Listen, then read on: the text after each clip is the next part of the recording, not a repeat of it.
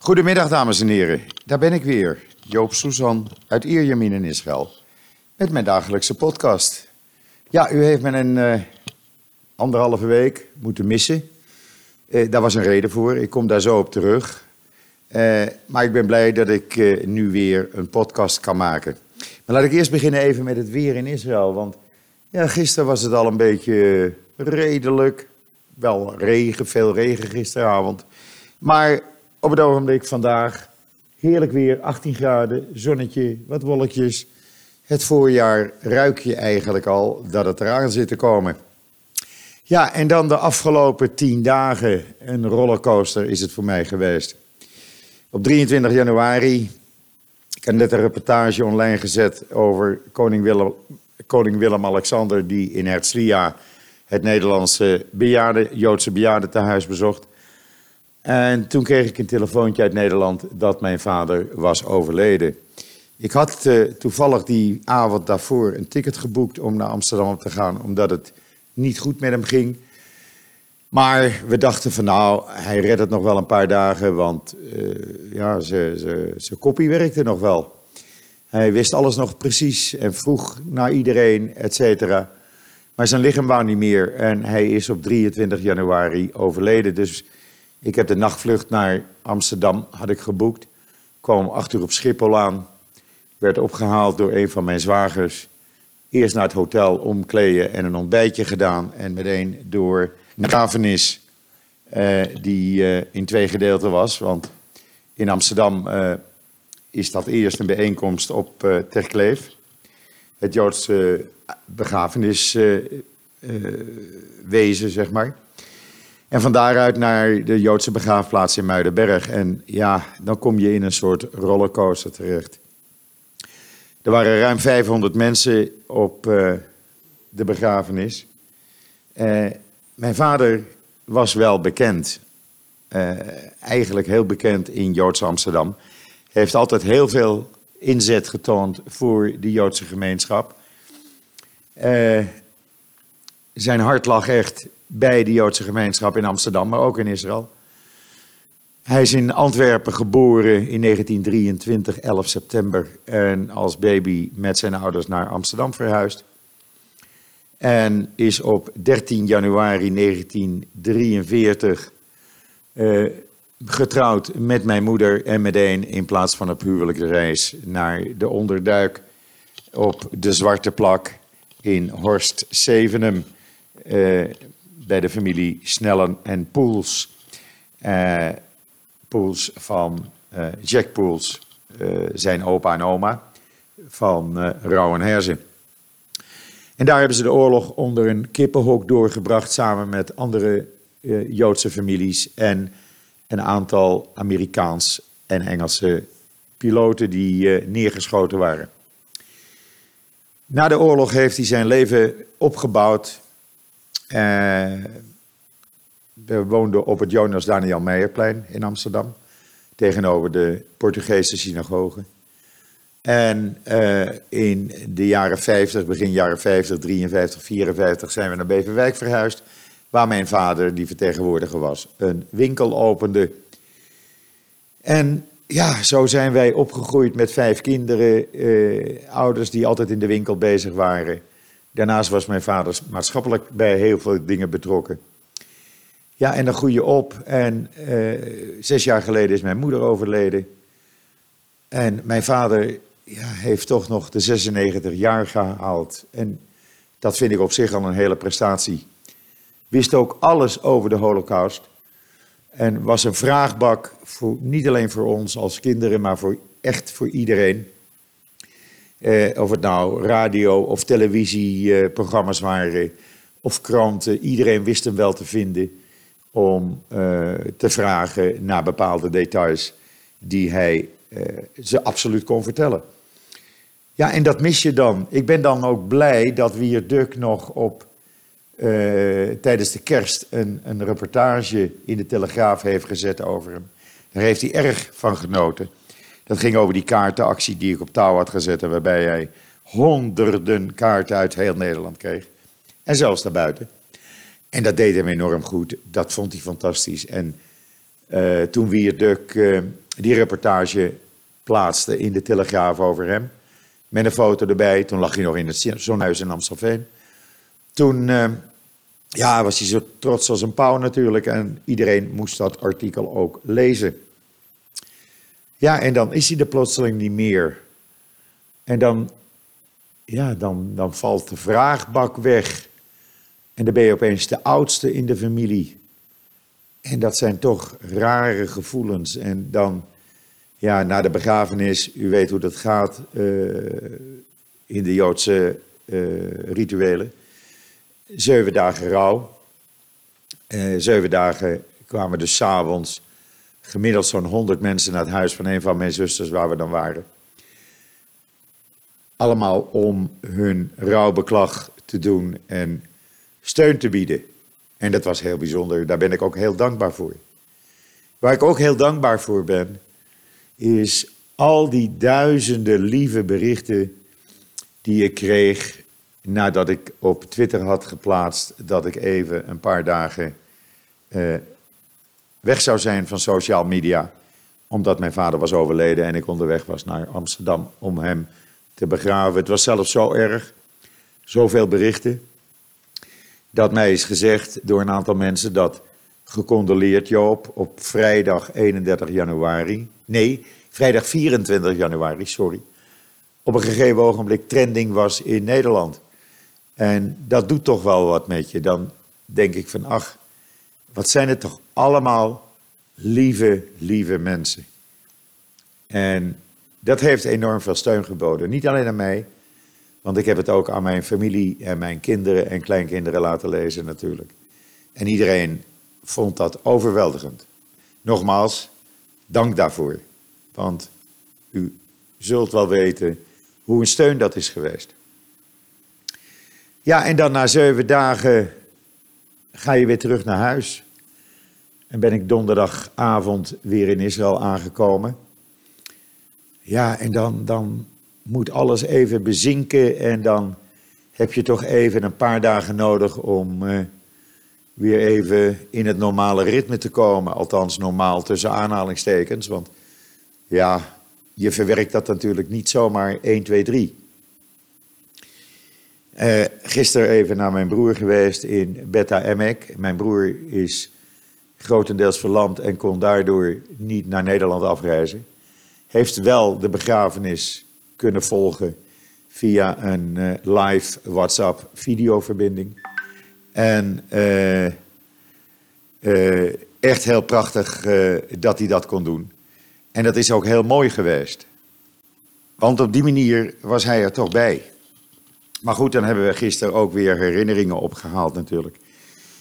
Ja, en dan uh, vandaag was dan de eerste dag dat ik uh, ja, weer een beetje uh, normaal aan het werk ben gegaan. En dingen heb geplaatst op JoodsNL. En dus voor het eerst weer een podcast maak. Want ja, het leven gaat toch ook weer door. En dat, dat blijkt maar weer. dat hebben we ook gedaan. Maar het, het blijft vreemd. Ik belde hem elke avond. Was ik zo gewend. En dan had hij vaak commentaar op wat ik had geschreven. Of, in de podcast had gezegd. Of hij complimenteerde mij. Ja, en dat zijn van die dingen die je dan gaat missen. Uh, en daar zal ik even aan moeten wennen. Dat heeft tijd nodig. Maar dan heb ik gelukkig een heleboel lieve vrienden en vriendinnen om me heen. En familie natuurlijk. Ook hier in Israël. Die dan zeggen: Kom op, Joop. We gaan eens even een borreltje drinken. Of uh, uh, we komen eens even een kopje koffie met je drinken. En dat is toch wel fijn. Uh, ja, en dan, dan ben je toch niet alleen. Want ja, ik heb natuurlijk anderhalf jaar geleden mijn partner verloren. Dus komende zaterdag anderhalf jaar geleden. En dit is dan het tweede overlijdensgeval in de familie. Of in mijn, aan mijn kant dan.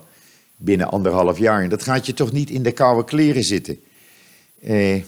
Eh Nee, maar goed, emoties mag je tonen en die heb ik ook getoond. Ik schaam me daar ook niet voor. En uh, ja, we zijn dus nu weer uh, aan de gang en ik hoop u weer een drie keer per week een podcast uh, te kunnen maken voor u. Want ja, ik begrijp uit de vele reacties dat u dat toch wel gemist hebt. Maar goed, ik ben er weer.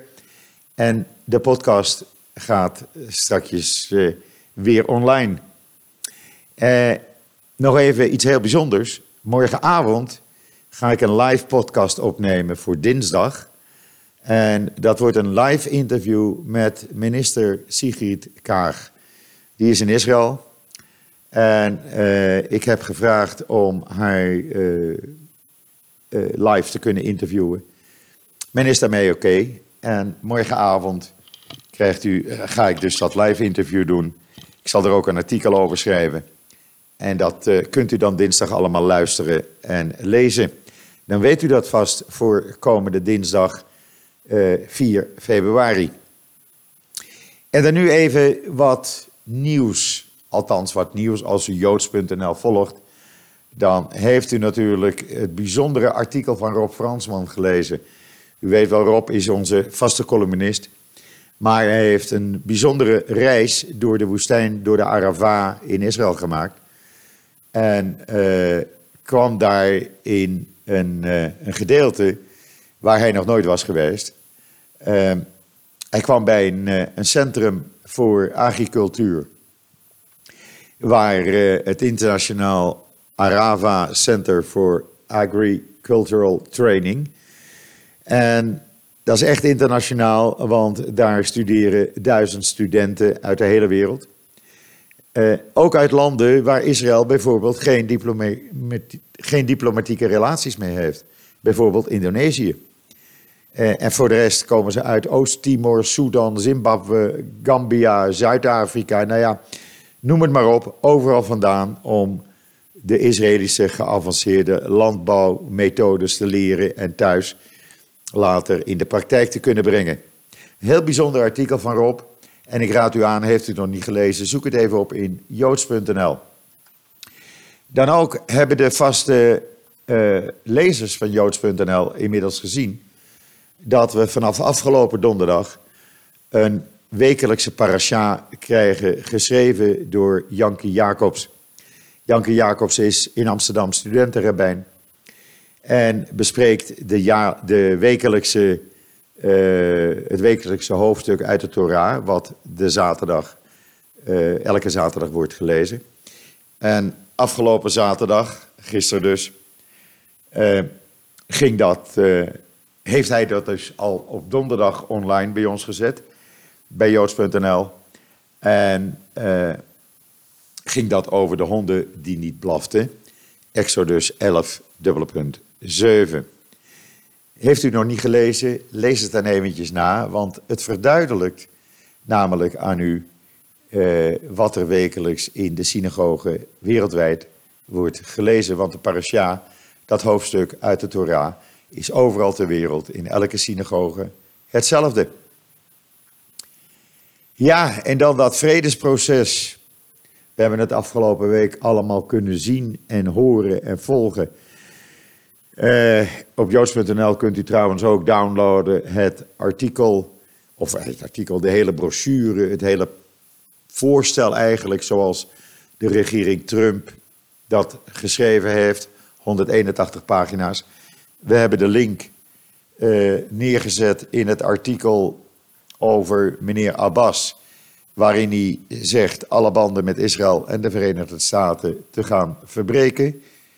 En daar staat een link onderaan dat artikel, dan kunt u het hele vredesvoorstel in het Engels downloaden. Ja, hij gaat dus uh, alles uh, verbreken, zegt hij, alle contacten. Nou waren er al niet veel contacten, maar het belangrijkste contact wat hij al tien keer heeft verbroken, maar nog steeds niet echt had verbroken, was de veiligheidscoördinatie met Israël. En iets in mij zegt mij dat hij dat dit keer ook niet gaat verbreken. Want dat is ook in zijn eigen belang namelijk. De Israëlische veiligheidsdiensten, onder andere de Shin Bet, maar ook de IDF, die voorkomen ook heel veel, uh, laten we zeggen, plots tegen meneer Arafat en zijn getrouwen. En meneer Arafat is daar alleen maar blij mee. En zal dus niet zo snel, denk ik, uh, echt de veiligheidscoördinatie met Israël verbreken. Want dan krijgt hij zelf grote problemen. Ja, waarom verbreekt hij dat? Nou, hij is het dus niet eens met dat vredesvoorstel van uh, meneer Trump. Dan kan je zeggen, ja oké, uh, je bent het er niet mee eens, maar ga dan aan tafel zitten, ga dan onderhandelen. Zeg dan, oké jongens, hier ben ik het niet mee eens, hier zouden we over kunnen praten. Kunnen we dit niet zo doen? Kunnen we dit niet anders maken? Nee, dat doet hij niet. En waarom doet hij dat niet? Nou, heel simpel. Dan is zijn bron van inkomsten weg. En dan zult u zeggen, zijn bron van inkomsten. Jawel. Er is vanmorgen een artikel op joods.nl eh, verschenen. De donormachine van de Palestijnse leiders. Of eigenlijk hoe de Palestijnse leiders hun zakken vullen. Nou, als je dat artikel leest, dan uh, gaat het dus om miljarden wat bij de Palestijnse leiders terecht is gekomen. En waar de families van de leiders ook van profiteren. En ja, dat valt natuurlijk allemaal weg dan als er uh, geen, uh, geen ruzie meer is, laten we het zo maar zeggen, tussen Israël en de Palestijnen. Ook de UNRWA maakt zich al ongerust, want die kwam met een reactie van het hele Palestijnse volk is in shock. Ja, natuurlijk, meneer UNRWA, zijn jullie in shock. Want het niet het Palestijnse volk, maar jullie.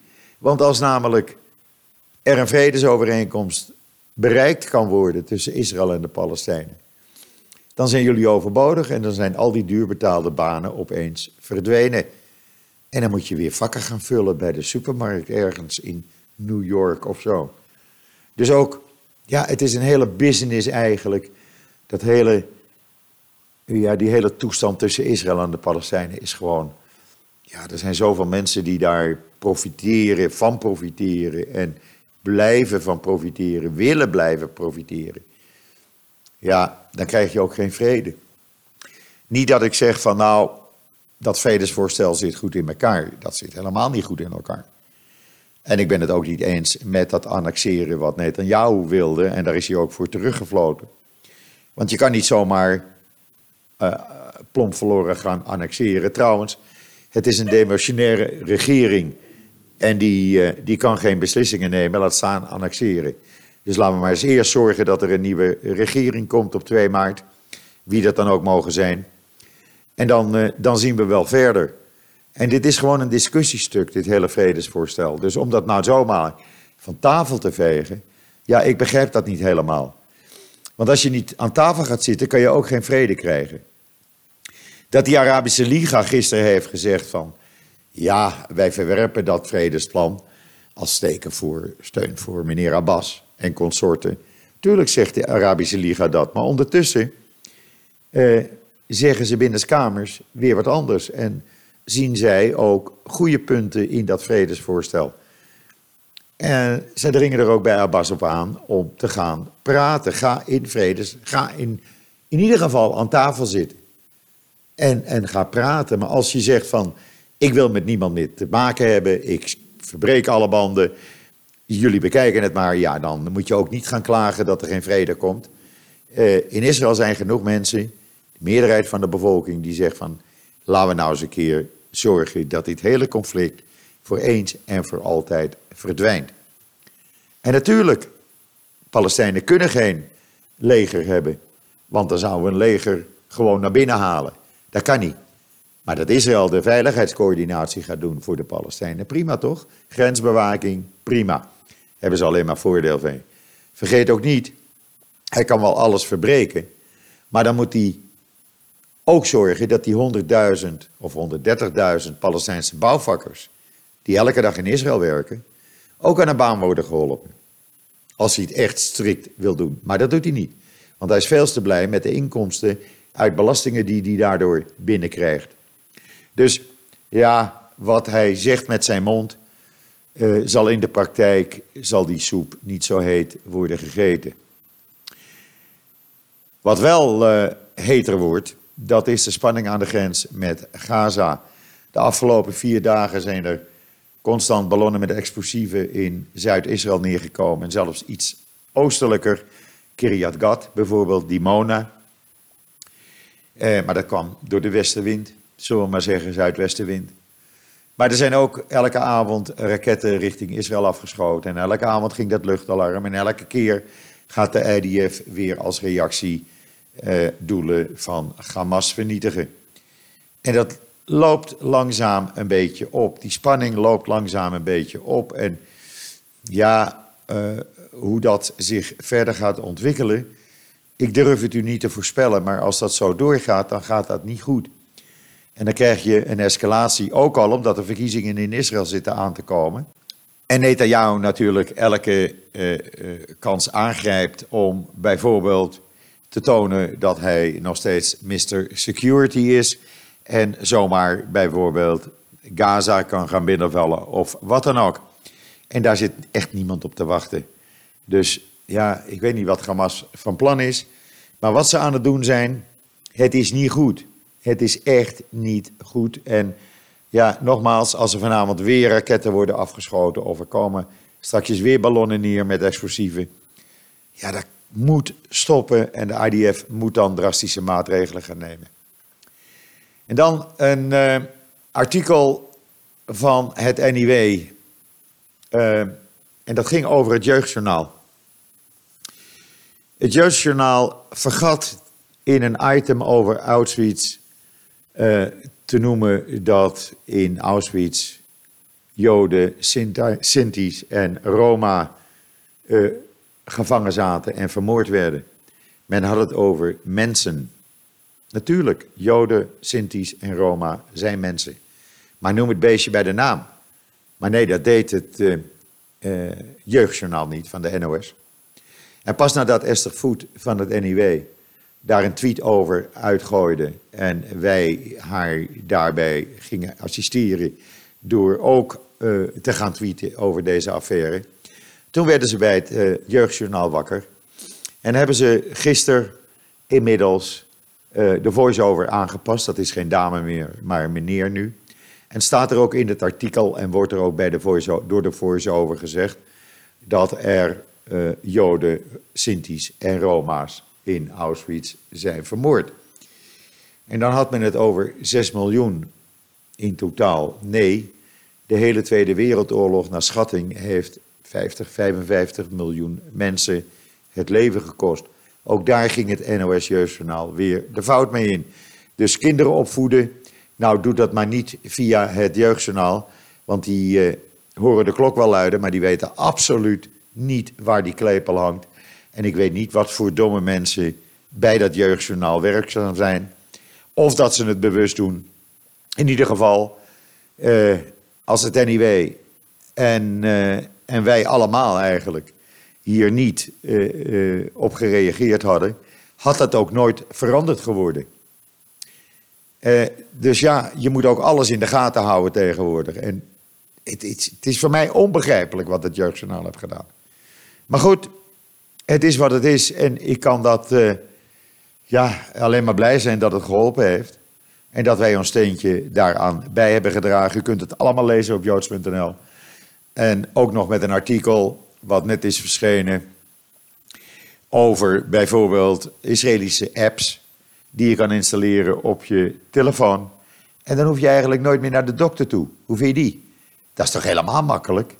Het zijn uh, een stuk of acht verschillende apps voor allerlei ziektes of allerlei dingen die je dan hebt. En dat, uh, ja, dan uh, word je gemonitord via je smartphone en ja, allemaal prima.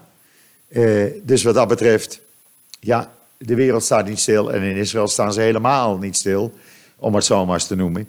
En daar ben ik alleen maar blij om dat er zoveel uitvindingen ook hier vandaan komen natuurlijk. Want het is alleen maar mooi en daar is iedereen ter wereld, in de wereld weer bij geholpen. Uh, ja, dat brengt mij toch een beetje bij het einde van deze eerste podcast na nou, anderhalve week, bijna twee weken.